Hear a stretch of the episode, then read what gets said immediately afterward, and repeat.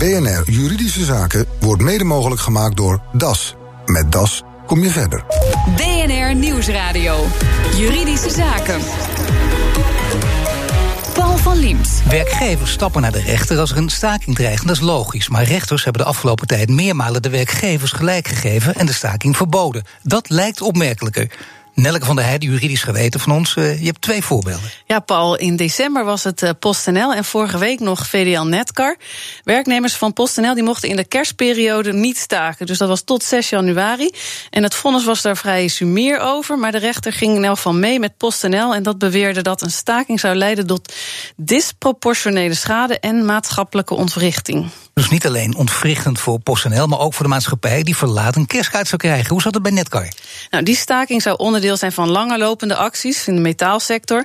En de rechter verbood die specifiek bij Netcar, omdat BMW de enige opdrachtgever is en die zou wel eens kunnen weglopen als de productievertraging op zou lopen. Dank je, Nelke. De gast vandaag, Sjaak van der Velde, historicus en stakingsexpert. En Stefan Sagel, hij is hoogleraar arbeidsrecht aan de Universiteit Leiden, arbeidsrechtadvocaat bij de Brouw Blackstone Westbroek. Welkom, heren.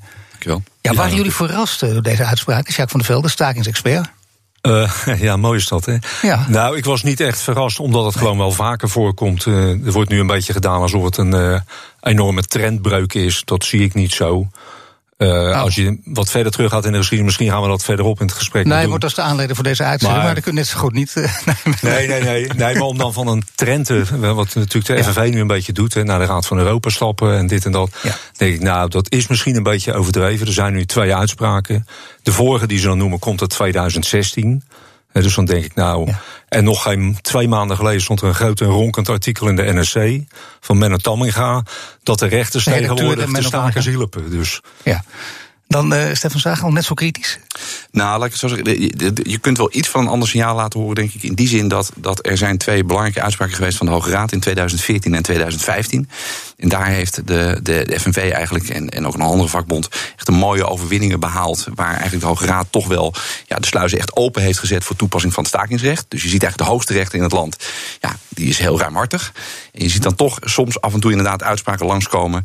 eh, waar je eigenlijk zeggen: van, ja, is dat, daar, daar, daar wordt toch wel vrij eenvoudig. Maar kun je over daarover een trend spreken? Of heeft het echt te Nou, maken met individuele rechters? En moet je dat echt elke keer per geval weer bekijken? Dat, dat laatste ben ik volledig met de andere spreker eens. Het, het- het- dit soort uitspraken komen wel vaker voor. Kwamen voor die uitspraken van de Hoge Raad ook voor. En komen nog steeds af en toe voor. Om, om daar echt een trend in te zien.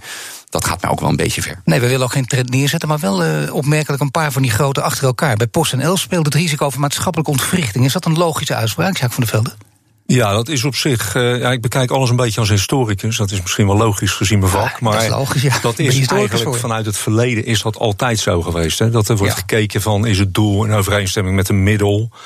En dat zie je hier ook. En dan kan inderdaad een rechter natuurlijk zeggen: Nou goed, dit is zo vervelend voor de mensen in Nederland dat ze hun eh, kerstkaarten niet krijgen.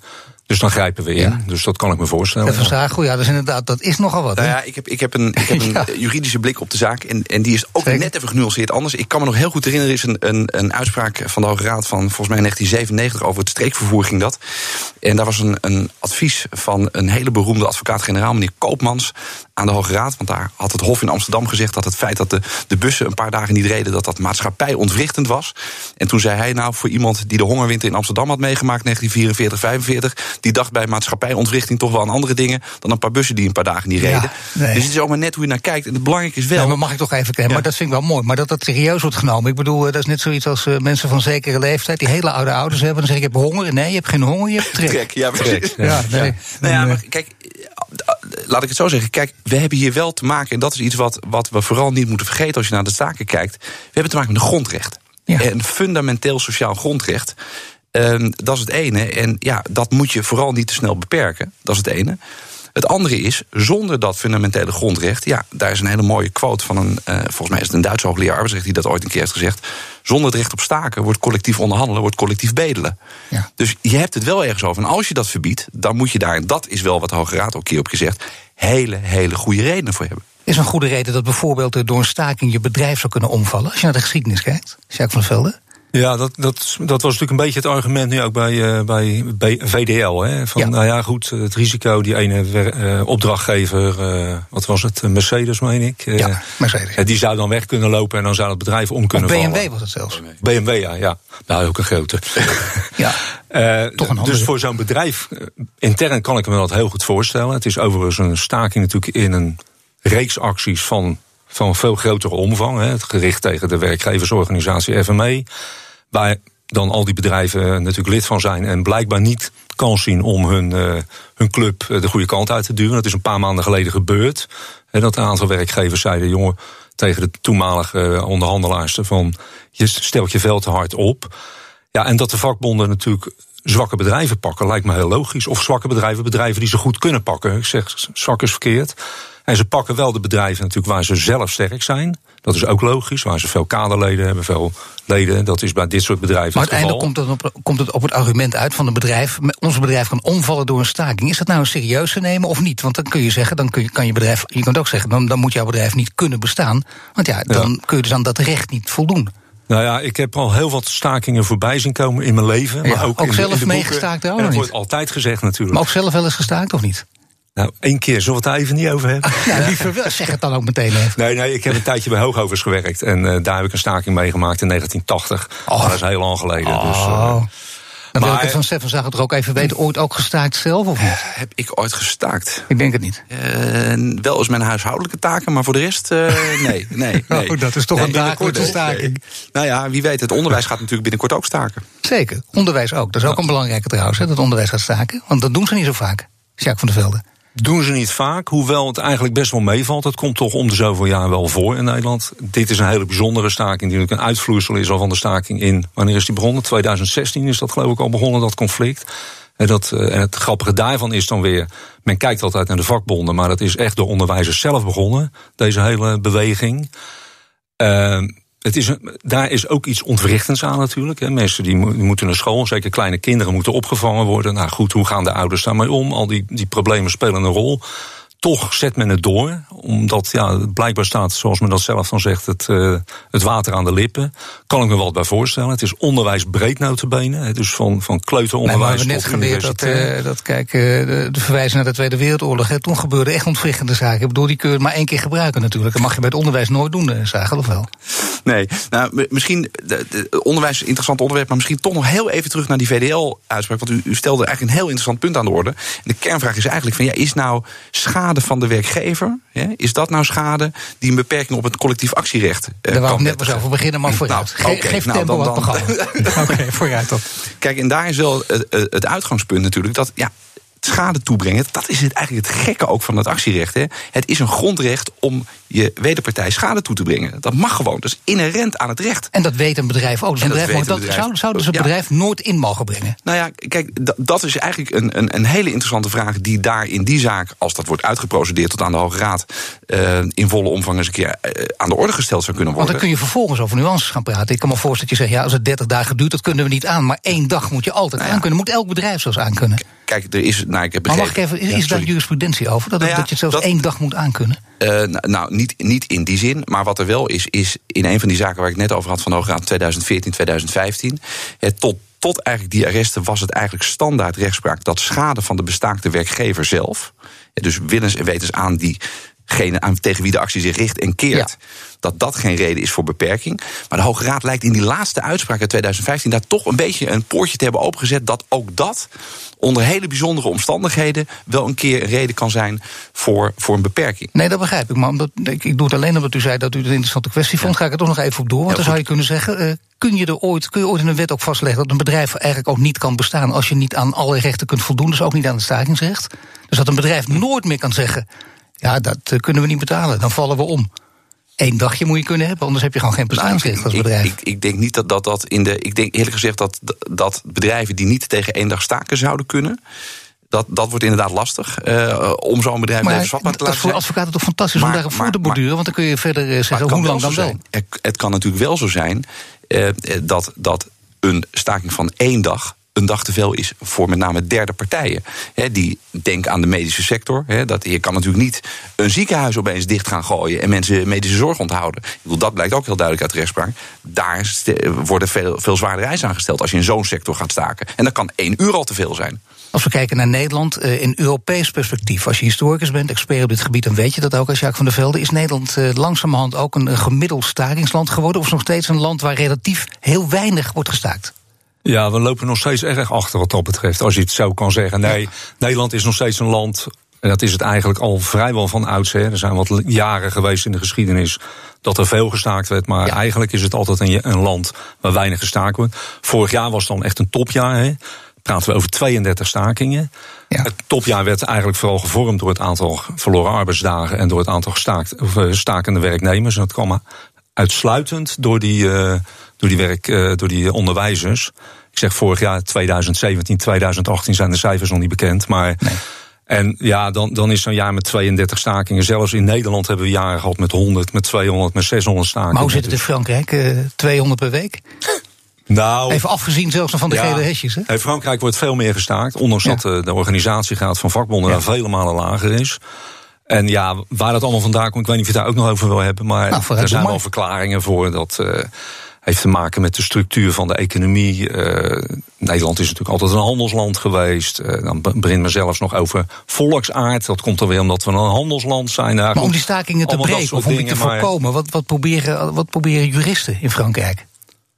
Wat juristen in Frankrijk proberen? Ja? Ik heb geen idee. Maar gelukkig, uh, Stefan Zagel, die weet het wel. Nou, dat, dat, ik weet heel wat over het Nederlandse staking, zeg maar hoe dat in Frankrijk aan toe gaat, dat, dat is mij wat minder bekend. Kijk, wat je wel ziet, is dat die stakingen er ook in Frankrijk een stuk ruwer aan toe gaan dan bij ons. Ik bedoel, we, kunnen ons waarschijnlijk de plaatjes van de, de KLM uh, Air France directeur in Frankrijk die over het hek moest klimmen om, om een veilig heenkomen te zoeken. Nou, dat soort toestanden, dat de Nederlandse vakbonden doen dat over het algemeen eigenlijk bijna altijd heel erg netjes en heel fatsoenlijk. En als de rechter ook zegt het mag niet, dan doen ze het ook niet. Het stakingsrecht is juist een paar jaar geleden verruimd. Welke rol een van mijn gasten daarin speelde, dat hoort u. BNR Nieuwsradio. BNR Juridische Zaken. Bij PostNL was een van de argumenten van PostNL zelf om de staking te verbieden dat de onderhandelingen nog helemaal niet waren vastgelopen. Maar dat hoeft toch ook niet meer sinds een uitspraak van de Hoge Raad in 2015. En die vraag is voor uh, Stefan is arbeidsrechtadvocaat bij De Brouw, die destijds namens de bonden naar de Hoge Raad stapte. De gast ook stakingsexpert Sjaak van der Velde. Uh, ja, meneer Sagel, de staking hoeft niet samen te hangen dus met onderhandelingen over een CAO? Nou, het moet wel, het moet wel eh, een staking zijn in het kader van een collectief geschil. Dus, en dat is meestal in het kader van collectieve onderhandelingen. Maar wat van oudsher altijd werd aangenomen was dat je pas mocht gaan staken als er aan twee formele spelregels was voldaan. In de eerste plaats het zogenaamde ultimum remedium vereist, het uiterste middel. Dus er moest een breekpunt zijn ontstaan. Ultimum remedium. Ultimum remedium. Even voor thuis onthouden. Dat leuk, ja. ja. Precies. Um, dus er moest een breekpunt zijn ontstaan in, in de onderhandelingen. Dus moest heel lang onderhandelen. En uiteindelijk, je kon niet meer verder. Nou, dan mocht je gaan staken. Dat was spelregel 1.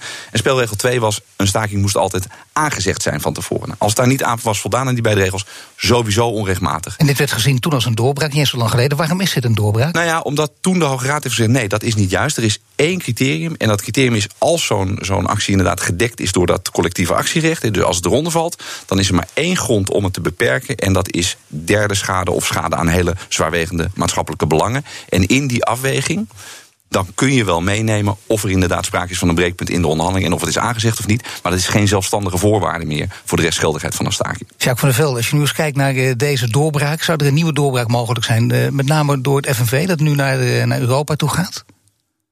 Ja, maar wat, wat, zou dan nu de doorbraak zijn? Dat de FNV naar Europa ik ben stakingsexpert, ik vraag het dan uh, aan u natuurlijk. Ja, nee, wordt, nee oké. Okay. Nou, dat de uh, FNV naar Europa gaat, dat, dat is niet zo gek. Uh, vanuit Europa is trouwens al eerder kritiek geweest op de Nederlandse rechters. Hè, al in 2004, als ik me niet vergis. Dat de Nederlandse rechters veel te snel stakingen verbieden. Later is dat afgezwakt in die zin dat men gezegd: oké, ze hebben hun lesje geleerd, ze doen het nu beter. Dat is dan uh, midden, uh, eind jaren tien, zeg maar. Weten we ook hoe dat komt trouwens? Want dat is wel interessant om te weten. Waarom rechters dat zo makkelijk deden? Zich zo snel aan de kant van de werkgever scheiden? Ja, het is misschien, ik weet niet vanuit rechters precies, maar wat mij wel altijd is opgevallen, en we hebben het net ook over Frankrijk gehad en zo. Het gaat natuurlijk om Europees recht. Hè. In het Europees Sociaal Handvest is het geregeld. En Nederland is een land geweest dat dat het laatste heeft ondertekend. Ik meen dat het handvest uit 1964 stamt. En in Nederland heeft men het tot 1980 over gedaan om daar een handtekening onder te zetten omdat men maar niet goed wist hoe men om moest gaan met stakingsrecht. Er zijn wetten, uh, wetsvoorstellen geschreven, die zijn weer ingetrokken, is over gediscussieerd in de, in de uh, zo heet dat, Sociaal-Economische Raad, in de Stichting van de Arbeid. Men kwam er niet uit. Toch te maken met, met, het, met, het met het poldermodel? Ja, dat denk ik niet. Ik denk dat het meer gewoon eh, vanuit een groot deel van de politiek was het een beetje koudwatervrees. Van dan gaan we ze het echt dat recht geven. Dan zetten we het zwart op wit als ze dat recht hebben. Dat in Nederland. Dus je kunt het beter in Nederland zou zeggen: je hebt het wel, maar je hoeft het niet te weten. Ja, zo zou je kunnen zeggen. Ja. Maar in Nederland was het nou inderdaad nooit geregeld in wet. Het was altijd, uh, heet dat, nee, jurisprudentierecht. Dus nee. afhankelijk Want als ze het weten, dan gaan ze daar ongebreideld gebruik van maken. Ja, het is toch een beetje dan, ja, wel een waanzinnige manier van, van nou mensen behandelen. wat, wat je op wel meer gebieden ziet, eh, de, de, wetgever blijft, blijft in gebreken. Er komt geen wettelijke regeling. En uiteindelijk, op wiens bordje komt het dan terecht? Van de rechter en uiteindelijk de Hoge Raad. Die heeft zijn verantwoordelijkheid genomen. En die heeft toen in 1986 gezegd: oké, dan aanvaarden wij nu op basis van het Europees Sociaal Handvest in Nederland het stakingsrecht. En iedereen kan zich daar gewoon voor de Nederlandse rechten op beroepen. Je kunt nu zeggen, eh, wat voor doorbraak is het? Hè? De vraag van eh, Jacques van der Velde. Misschien een doorbraak voor, voor de vakbond. Tanen de invloed van de vakbonden dat ze hier toch weer iets eh, van zelfvertrouwen mee terugkrijgen. Ja, dat vind ik een beetje, een beetje vergaand. Uh, kijk, ze laten nu duidelijk zien van we, accepteren dit niet. Nou, de vraag is of dat terecht is. We hebben het net al over gehad. Of dat, uh, want zo'n trend zie ik er nog steeds niet in. In die twee gevallen en het vorige geval van twee, drie jaar geleden. Dus ik denk dat het nog wel mee, want er zijn diverse uitspraken geweest de afgelopen jaren, ook waarbij de rechter, en ik noemde net al het artikel van Menno Tamminga aan de NRC, waar de rechter dus de stakers steunde. En ik sta hier niet om rechters te verdedigen of zo, maar dat, zie ik dan gewoon. En uh, ja. nou, ik heb er geen belangen bij in ieder geval. Nee, nee dat dacht ik al. Maar het is wel zo dat, dat het denk ik goed is van de vakbeweging. En dat doen ze nu en dat doen ze op een aantal andere fronten ook momenteel. Gewoon wat meer je tanden laten zien en uh, ja, voor je recht opkomen. En dat kan in dit geval zijn naar de Raad van Europa stappen. Om te, te eisen dat daar een uitspraak over komt. Stefan Zagel. Nou ja, kijk, eh, laten we, ook, laten we ook gewoon in die zin het niet overdrijven. Dat dit is een uitspraak van een rechter in eerste aanleg. En het is wel in stakingszaken zo dat. Hè, het is niet eigenlijk zo dat een, een, een, de eerste klap is een daalder waard, maar de eerste klap is een tientje waard in zo'n stakingskortgeding. Ja. Uh, want de staking is nu verboden en het kan dus nu niet. Maar het is wel een uitspraak van de eerste rechter. Daar kan nog hoger beroep tegen worden ingesteld bij het Hof in Den Bosch. En dan kunnen ze nog naar de Hoge Raad. Dus of dit uiteindelijk de definitieve uitkomst is in die VDL-zaak, dat, dat staat nog maar te bezien natuurlijk. Om nou niet al te pessimistisch voor die werkgevers te eindigen, Stefan Zagel. Uh, zij kunnen zelf ook tot collectieve acties overgaan. Dus de werkgevers zelf. Ja, nou dat is, dat is heel aardig en eigenlijk in, in Nederland weinig gebruikt middel. Maar we hebben het altijd, als we aan collectieve actie denken, denken we altijd aan werknemersacties. Ja. Maar dat collectieve uh, actierecht, dat hebben werkgevers ook. Dus, dus werknemers kunnen, ook, werkgevers kunnen, ja, die ook kunnen ook samen de straat op. Die, die, nou, die, maar die kunnen ook tegenacties nemen. Hè. Dus als er een, een, en, en de meest voor de hand liggende tegenactie die er altijd wordt genomen is, naar de rechter gaan en proberen verbod te krijgen. Maar je mag ook zelf tegenacties doen. En we hadden het er net ook nog eventjes over. Vroeger werd in Nederland ook het middel van de uitsluiting, werd wel, dat is het meest verstrekkende middel. Dan gooi je eigenlijk je bedrijf plat. Maar je kunt ook aan andere, eh, meer creatieve uh, dingen denken. Aan bijvoorbeeld niets, naar mijn idee, verbiedt een werkgever als die voelt dat er een staking aankomt, als die wordt uitgeroepen om tegen iedereen te zeggen: Nou, weet je, jongens, iedereen die niet gaat meedoen en als we doordraaien, krijgt iedereen voor kerst een plasma-TV van mij. een bonus, een anti-stakingsbonus. Ja, dat zou nou, kunnen. Hele keten. Is dat ooit gebeurd of niet, voor zover je weet?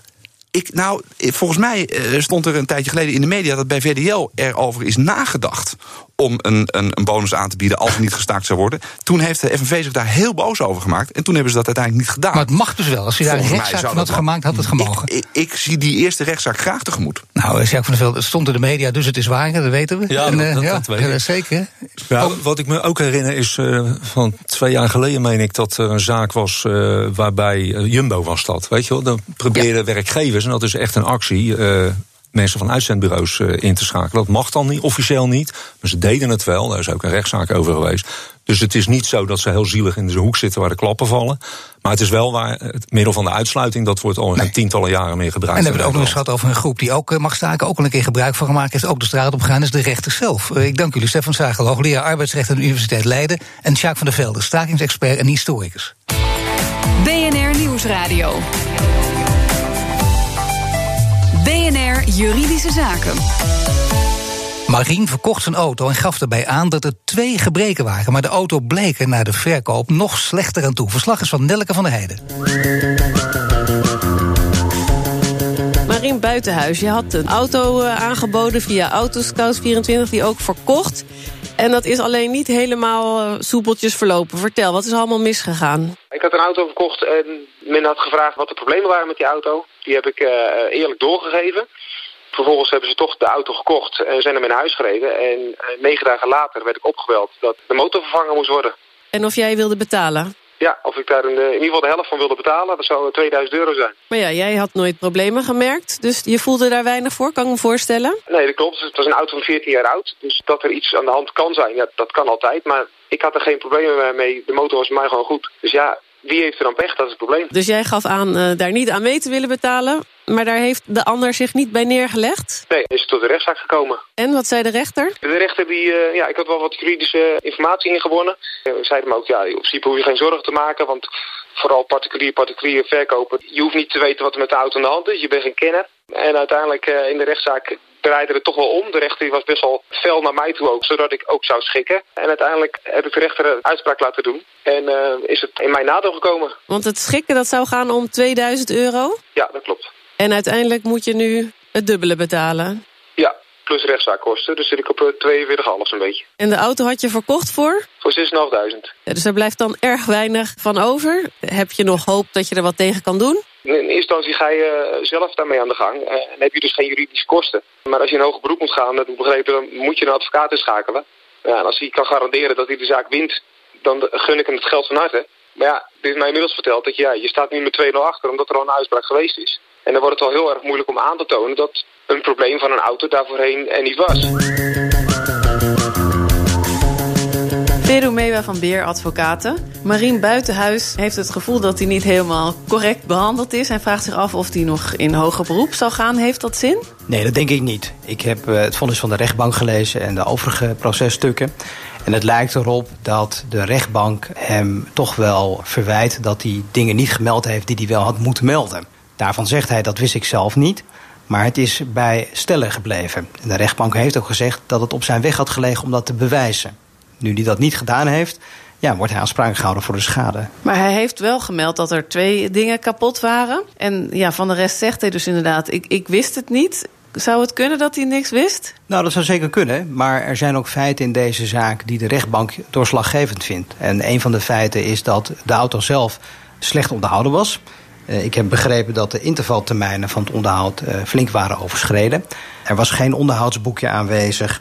En wat ook relevant is, is dat de auto binnen zes maanden na de koop zelf door de verkoper is doorverkocht. Nou, de rechtbank zegt daarvan dat zijn omstandigheden waaruit ik opmaak dat die gebreken wellicht voor de verkoop al aanwezig waren.